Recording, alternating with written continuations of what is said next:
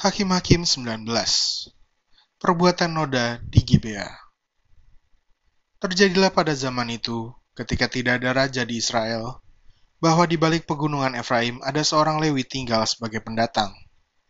Ia mengambil seorang gundik dari Bethlehem, Yehuda. Tetapi gundiknya itu berlaku serong terhadap dia dan pergi daripadanya ke rumah ayahnya di Bethlehem, Yehuda. Lalu tinggal di sana empat bulan lamanya Berkemaslah suaminya itu, lalu pergi menyusul perempuan itu untuk membujuk dia dan membawanya kembali. Bersama-sama dia, bujangnya, dan sepasang keledai. Ketika perempuan muda itu membawa dia masuk ke rumah ayahnya, dan ketika ayah itu melihat dia, maka bersukacitalah ia mendapatkannya. Mertuanya, ayah perempuan muda itu, tidak membiarkan dia pergi, sehingga ia tinggal tiga hari lamanya pada ayah itu. Mereka makan, minum, dan bermalam di sana. Tetapi pada hari yang keempat, ketika mereka bangun pagi-pagi dan ketika orang Lewi itu berkemas untuk pergi, berkatalah ayah perempuan muda itu kepada menantunya, Segarkanlah dirimu dahulu dengan sekerat roti, kemudian bolehlah kamu pergi. Jadi duduklah mereka, lalu makan, dan minumlah keduanya bersama-sama. Kata ayah perempuan muda itu kepada laki-laki itu, Baiklah putuskan untuk tinggal bermalam, dan biarlah hatimu gembira. Tetapi ketika orang itu bangun untuk pergi juga, mertuanya itu mendesaknya, sehingga ia tinggal pula di sana bermalam. Pada hari yang kelima, ketika ia bangun pagi-pagi untuk pergi, berkatalah ayah perempuan muda itu, Mari, segarkanlah dirimu dahulu, dan tinggallah sebentar lagi, sampai matahari surut. Lalu makanlah mereka keduanya. Ketika orang itu bangun untuk pergi, bersama dengan gundiknya dan bujangnya, berkatalah mertuanya, ayah perempuan muda itu, kepadanya. Lihatlah, matahari telah mulai turun menjelang petang. Baiklah tinggal bermalam. Lihat, matahari hampir terbenam. Tinggallah di sini bermalam, dan biarlah hatimu gembira. Maka besok kamu dapat bangun pagi-pagi untuk berjalan dan pulang ke rumahmu. Tetapi orang itu tidak mau tinggal bermalam. Ia berkemas, lalu pergi. Demikian sampailah ia di daerah yang berhadapan dengan Yebus. Itulah Yerusalem. Bersama-sama dengan dia ada sepasang keledai yang berpelana, dan gundiknya juga. Ketika mereka dekat ke Yebus, dan ketika matahari telah sangat rendah, berkatalah bujang itu kepada tuannya, marilah kita singgah di kota orang Yebus ini dan bermalam di situ. Tetapi tuannya menjawabnya, kita tidak akan singgah di kota asing yang bukan kepunyaan orang Israel. Tetapi kita akan berjalan terus sampai ke Gibea. Lagi katanya kepada bujangnya, marilah kita berjalan sampai ke salah satu tempat yang di sana dan bermalam di Gibea atau di Rama. Lalu berjalanlah mereka melanjutkan perjalanannya dan matahari terbenam. Ketika mereka dekat Gibea, kepunyaan suku Benyamin, sebab itu singgahlah mereka di Gibea. Lalu masuk untuk bermalam di situ.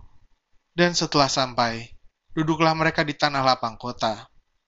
Tetapi tidak ada seorang pun yang mengajak mereka ke rumah untuk bermalam.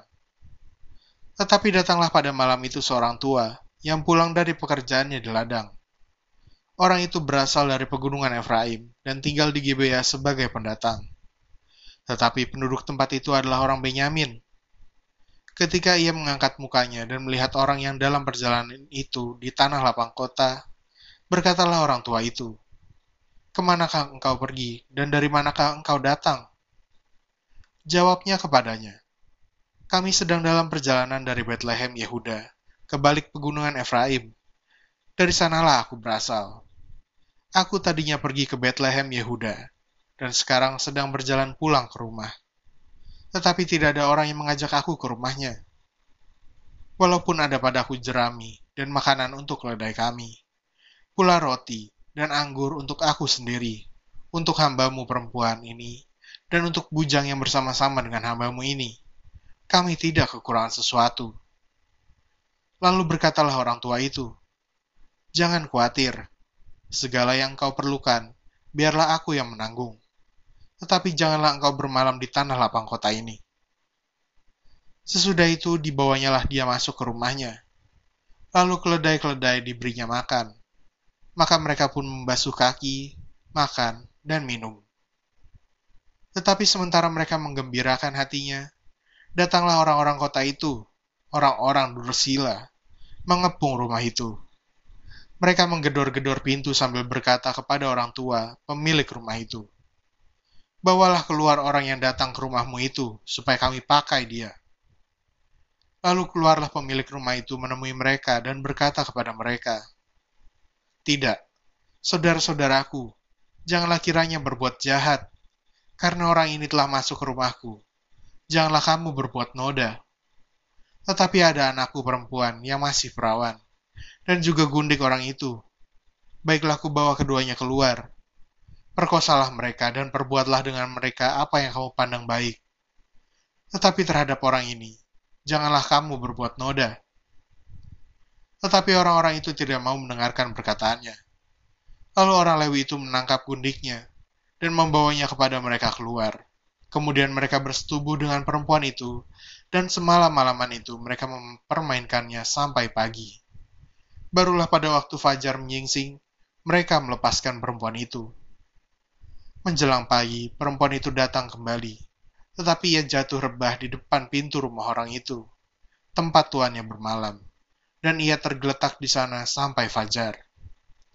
Pada waktu tuannya bangun pagi-pagi, dibukanya pintu rumah dan pergi keluar untuk melanjutkan perjalanannya. Tetapi tampaklah perempuan itu, gundiknya, tergeletak di depan pintu rumah dengan tangannya pada ambang pintu. Berkatalah ia kepada perempuan itu, Bangunlah, marilah kita pergi. Tetapi tidak ada jawabnya. Lalu diangkatnya lah mayat itu ke atas keledai. Berkemaslah ia, kemudian pergi ke tempat kediamannya. Sesampai di rumah, diambilnyalah pisau, dipegangnyalah mayat gundiknya, dipotong-potongnya menurut tulang-tulangnya menjadi dua belas potongan, lalu dikirimnya ke seluruh daerah orang Israel. Dan setiap orang yang melihatnya berkata, hal yang demikian belum pernah terjadi dan belum pernah terlihat sejak orang Israel berangkat keluar dari tanah Mesir sampai sekarang. Perhatikanlah itu, pertimbangkanlah, lalu berbicaralah.